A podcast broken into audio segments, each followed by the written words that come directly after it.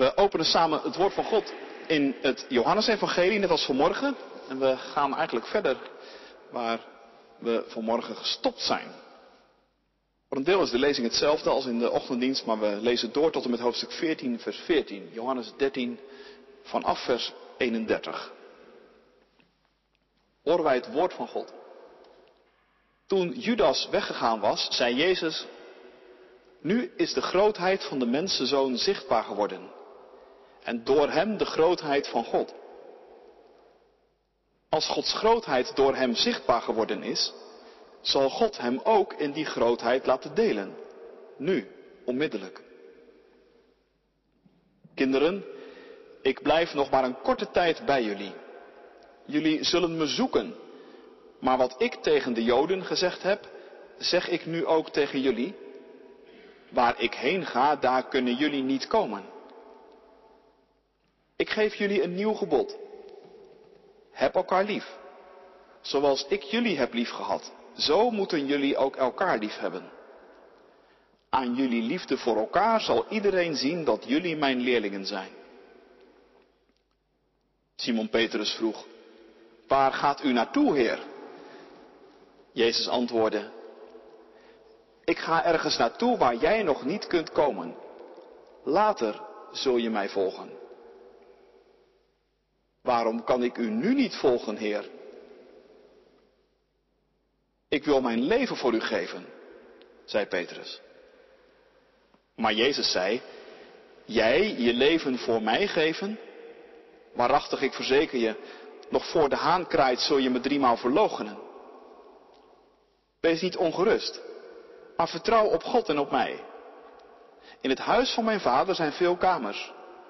Zou ik anders gezegd hebben dat ik een plaats voor jullie gereed zal maken? Wanneer ik een plaats voor jullie gereed gemaakt heb, kom ik terug. En dan zal ik jullie met me meenemen en dan zullen jullie zijn waar ik ben. Jullie kennen de weg naar waar ik heen ga.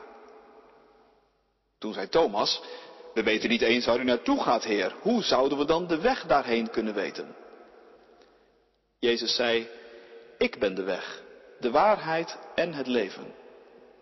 Niemand kan bij de Vader komen dan door mij. Als jullie mij kennen, zullen jullie ook mijn Vader kennen. En vanaf nu kennen jullie Hem, want jullie hebben Hem zelf gezien.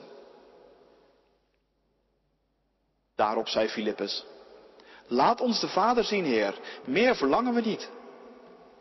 Jezus zei, ik ben nu al zo lang bij jullie en nog ken je me niet, Filippus?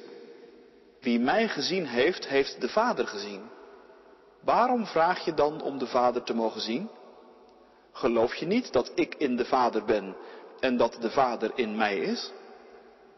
Ik spreek niet namens mezelf als ik tegen jullie spreek, maar de Vader die in mij blijft, doet zijn werk door mij. Geloof me, ik ben in de Vader en de Vader is in mij. Als je mij niet gelooft, geloof het dan om wat Hij doet. Waarachtig, ik verzeker jullie. Wie op mij vertrouwt, zal hetzelfde doen als ik. En zelfs meer dan dat. Ik ga immers naar de Vader. En wat jullie dan in mijn naam vragen, dat zal ik doen. Zodat door de Zoon de grootheid van de Vader zichtbaar wordt. Wanneer je iets in mijn naam vraagt, zal ik het doen.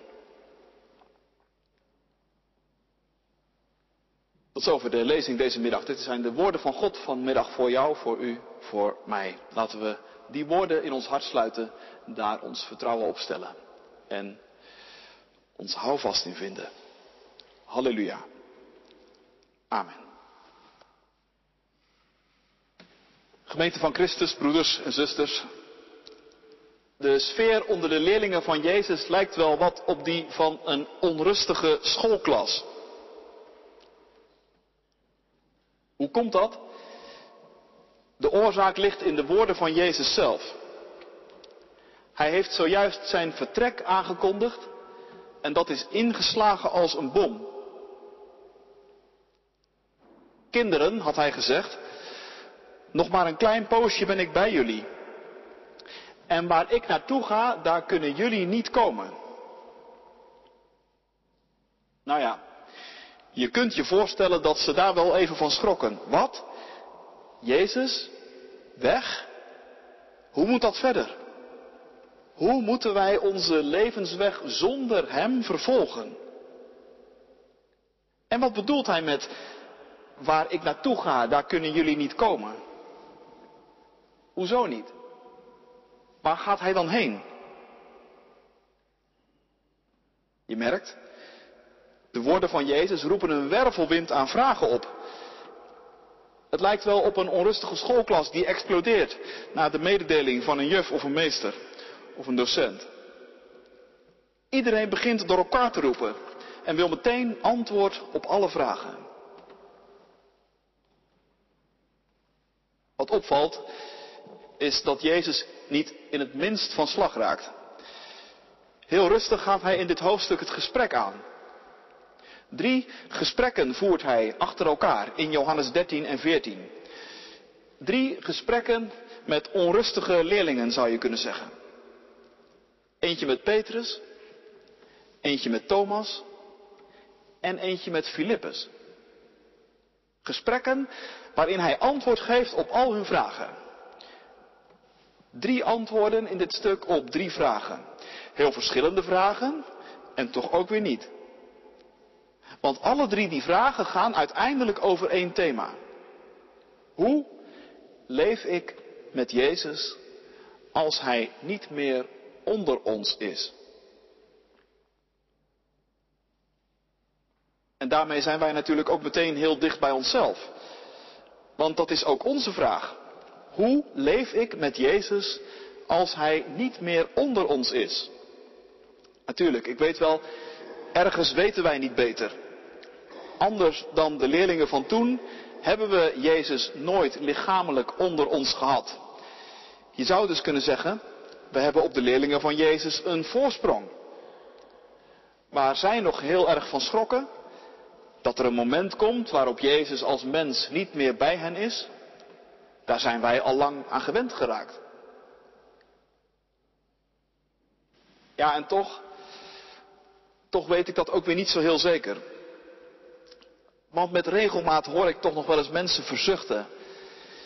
En zeggen dingen in de trant van, als Jezus nu gewoon eens hier was, dan? Misschien herken je daar iets van. Denk je dat ook wel eens? Of zeg je het wel eens hardop? Dat zijn van die momenten waarop je ergens merkt dat het altijd een beetje onwennig blijft. Geloven in en leven met iemand die je niet ziet. Natuurlijk heb je dat gevoel niet de hele dag door. Maar van tijd tot tijd kan het zomaar de kop opsteken. En lijkt je hart ineens op zo'n onrustige schoolklas. Het kolkt en bruist. De vragen buitelen over elkaar. Je voelt je bang, alleen, in de steek gelaten. En wat dan? Hoe leef je met Jezus als je Hem niet kunt zien?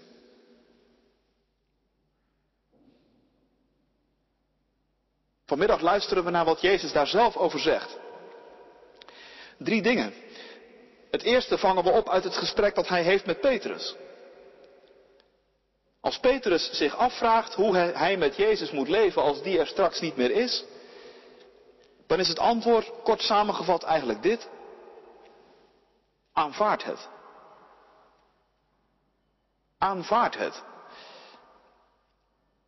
Petrus, maakt Jezus hem duidelijk dat ik er straks niet meer zal zijn en dat jij moet leren leven zonder mijn fysieke aanwezigheid. Dat moet je niet ontkennen, maar aanvaarden. Want dat is nu precies waar Petrus zo'n ontzettende moeite mee heeft.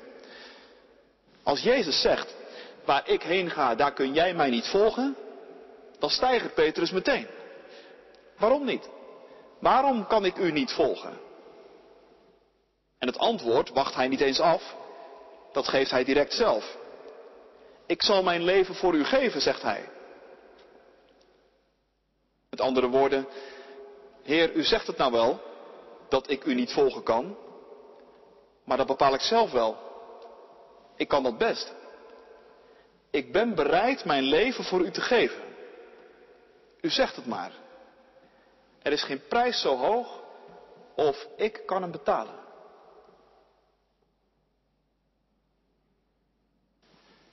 Je merkt in die woorden van Petrus, hij wil er niet aan. Dat Jezus echt weggaat en dat er een tijd komt waarin Jezus niet meer lichamelijk aanwezig is en de leerlingen op een andere manier met hem moeten zullen leren leven, dat kan hij niet plaatsen. Ik zal mijn leven voor u geven, Heer, zegt hij. Nee, lieve Petrus, is het antwoord van Jezus. Dat moet je nu net niet zeggen. Ik zeg je, er gaan hele andere dingen gebeuren. In plaats van dat jij je leven voor mij zult geven, zul je je uiterste best gaan doen om je leven te redden.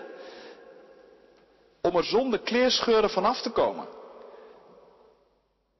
En wat er werkelijk gaat gebeuren, dat is precies het tegenovergestelde van wat jij denkt. Je zult mij verloochenen. Je zult ontkennen dat je ooit ook maar iets met mij te maken hebt gehad.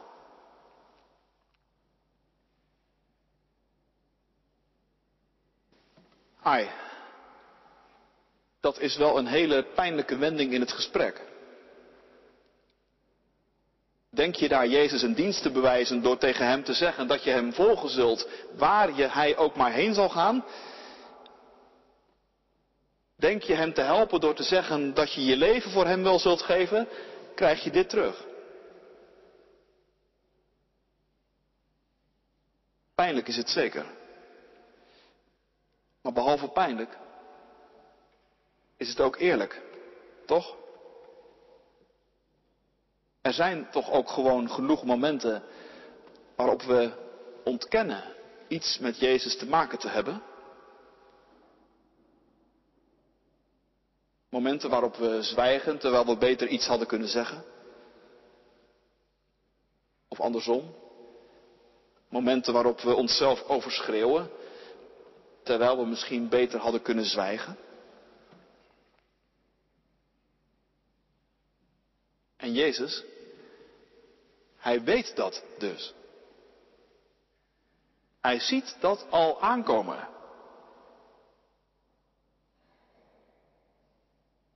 Maar nu de verrassing. Als je doorleest, dan merk je dat na dat moment dat Jezus die verloochening van Petrus aankondigt, hij meteen doorgaat met te zeggen, en daar moeten jullie nou niet wanhopig van worden. De hoofdstukindeling is er later bijgekomen. Het is eigenlijk in Johannes één betoog. Dus lees gewoon eens door, van het slot van 13 naar het begin van 14.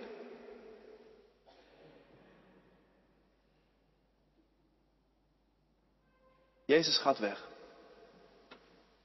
Voor ons, Hij is weg.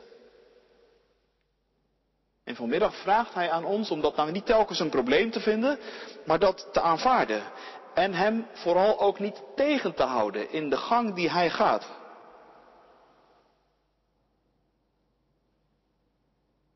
Nou ja, dat is denk ik een van de opgaven van het geloof. Met de regelmaat van de klok is dat een lastig ding voor ons. Zou je Jezus het liefst lichamelijk heel dicht bij je hebben? En als hij dan ook nog even tussen neus en lippen door voorspelt dat je erop moet rekenen dat je hem ook wel eens zult verloochenen, dan weet je toch even helemaal niet meer waar je het zoeken moet. Maar precies dan, op dat moment, zegt Jezus, laat dat je nou niet wanhopig maken. Vertrouw op God en op mij. Jezus houdt er dus kennelijk al rekening mee dat wij mensen zijn die voor de bijl gaan van tijd tot tijd. Dat er momenten zijn waarop we ons geloof in Hem zullen verloochenen. Waarop we zullen ontkennen dat we iets met Hem hebben. En misschien nog wel meer. Ongelooflijk is dat. Dat wij een God dienen die er rekening mee houdt dat zijn kinderen zullen falen. En die dan tegen je zegt, het enige wat ik eigenlijk van je vraag is dat jij er ook rekening mee houdt. Dat je je eigen zondige kwetsbaarheid niet ontkent, maar aanvaardt. En dan niet wanhoopt, maar gelooft. Jullie geloven in God, zegt Jezus. Geloof dan ook op mij, in mij. Vertrouw op mij.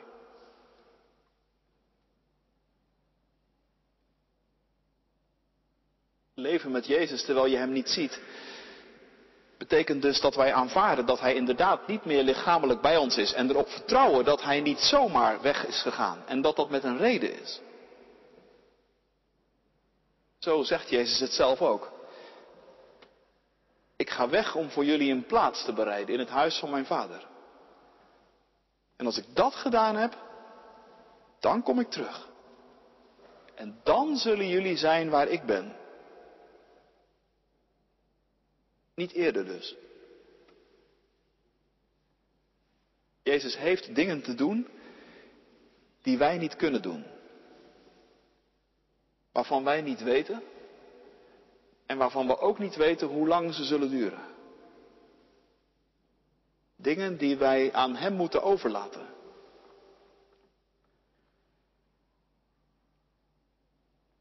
Daar hoort het kruis bij. Als Jezus deze woorden zegt in Johannes 13, staat hij daar nog voor. Daar hoort zijn weg dwars door de dood naar het leven bij. Maar daar hoort ook bij dat hij gaat plaatsmaken in het huis van de Vader. Je zou kunnen zeggen, daar is hij nu mee bezig. En daar kunnen we hem beter ook maar de ruimte en de tijd voor geven. Ergens verderop zegt Jezus het zelf zo, dat het beter is voor ons dat hij weggaat. Voor Petrus is dat beter. Voor alle andere onrustige leerlingen na hem is dat beter. De vraag aan ons is, kunnen we dat aanvaarden?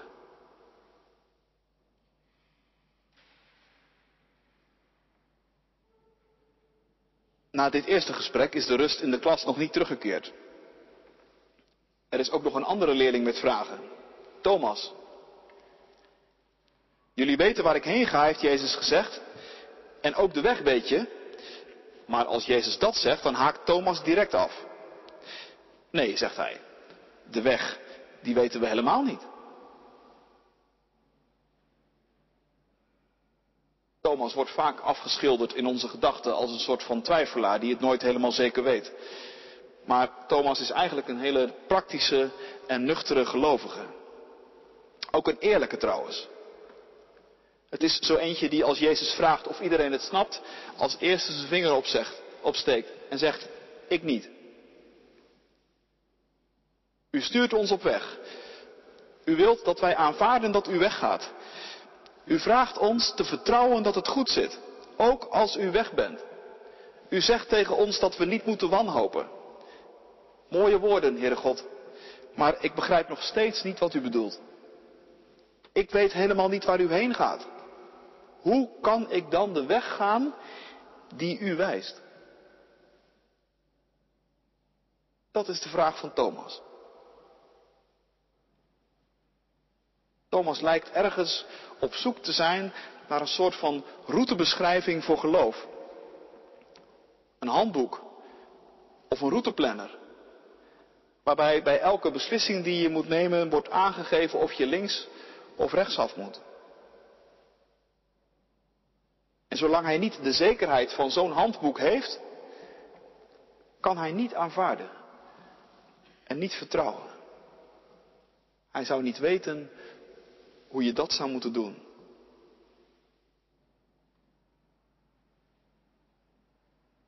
Maar, zegt Jezus dan in zijn tweede gesprek,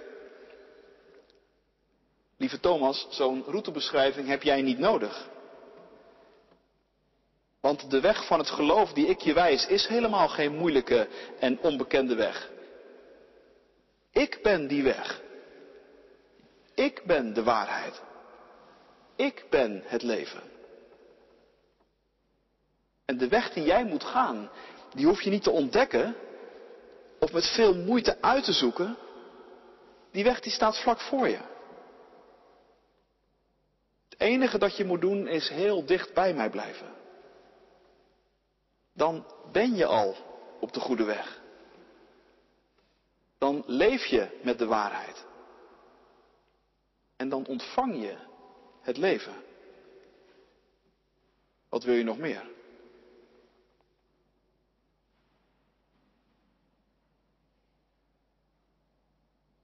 Als Augustinus een keer over deze tekst spreekt, dan zegt hij tegen de mensen in zijn kerk: Nu ga ik niet tegen u zeggen, zoek die weg met alles wat in u is. Nee, die weg hoeft u niet te zoeken, die weg is al naar u toegekomen. Prachtige zin vind ik dat. De weg is al naar u toegekomen. Leven met Jezus terwijl je Hem niet kunt zien, betekent niet dat je maar wat moet ronddolen in het donker. Samen met anderen die het misschien ook niet weten. Een beetje zoeken, maar weinig vinden. Nee, Jezus is zelf de weg. Hij is naar ons toegekomen. En ook nu Hij niet meer bij ons is, blijft Hij die weg.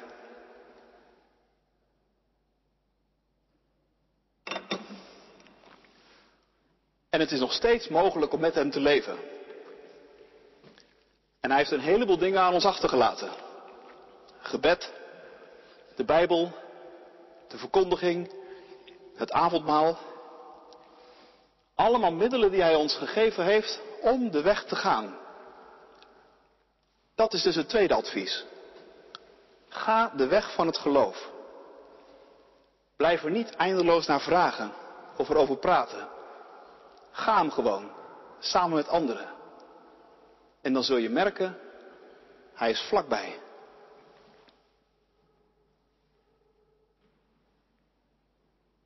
Nog één gesprek voert Jezus. Na de gesprekken met Petrus en Thomas zijn nog steeds niet alle vragen beantwoord. Er is nog altijd een onrustig kind in de klas. Filippus heet hij. Filippus is het type dat graag zekerheid wil. Hij heeft meegeluisterd hoe Jezus aan Thomas adviseerde om de weg van het geloof te gaan. En hij heeft gedacht, ja, dat is wel mooi, maar waar eindigt die weg? Voordat je aan een weg begint, moet je toch weten waar het naartoe gaat. En daarom vraagt Filippus, toont u alstublieft de Vader aan ons Heer, dat is genoeg.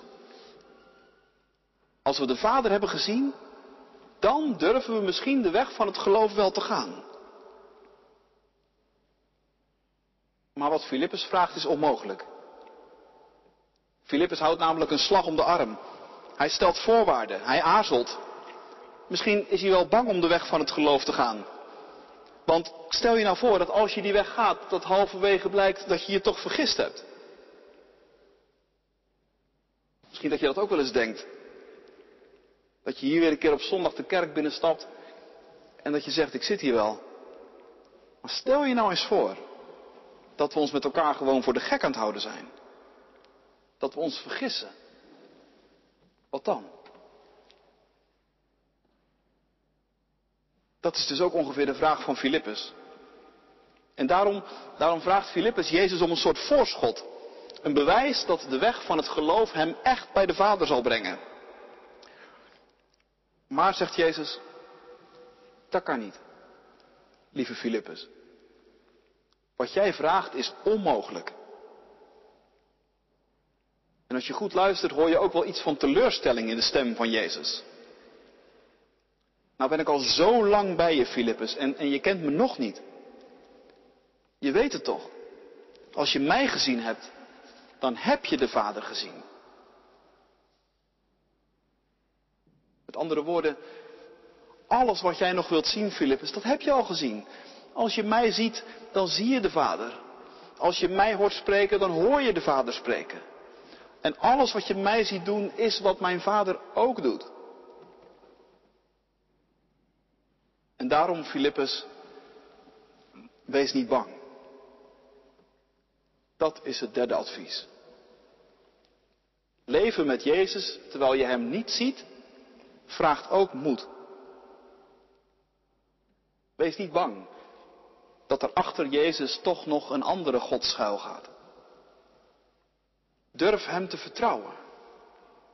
Ga zonder aarzelen de weg van het geloof. En aanvaard dat het goed is dat Jezus niet meer lichamelijk bij ons is.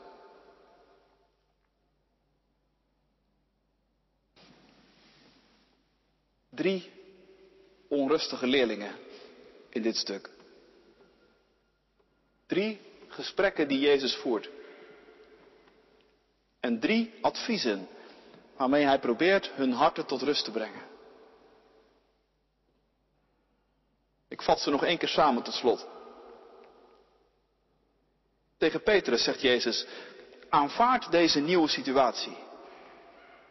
En aanvaard dat je ook zelf zult falen. Tegen Thomas zegt Jezus, wanhoop niet, maar ga de weg van het geloof. En tegen Filippus zegt Jezus, wees niet bang. Drie adviezen.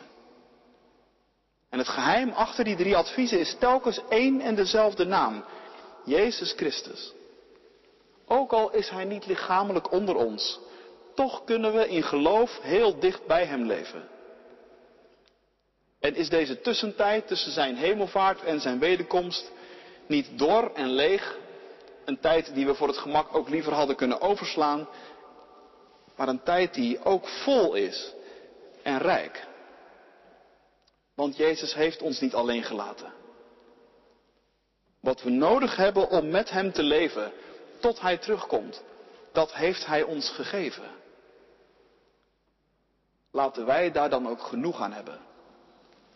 En zo onze onrustige harten telkens weer door Hem tot rust te laten brengen. Lof zij u Christus, nu en alle dagen tot in eeuwigheid. Amen.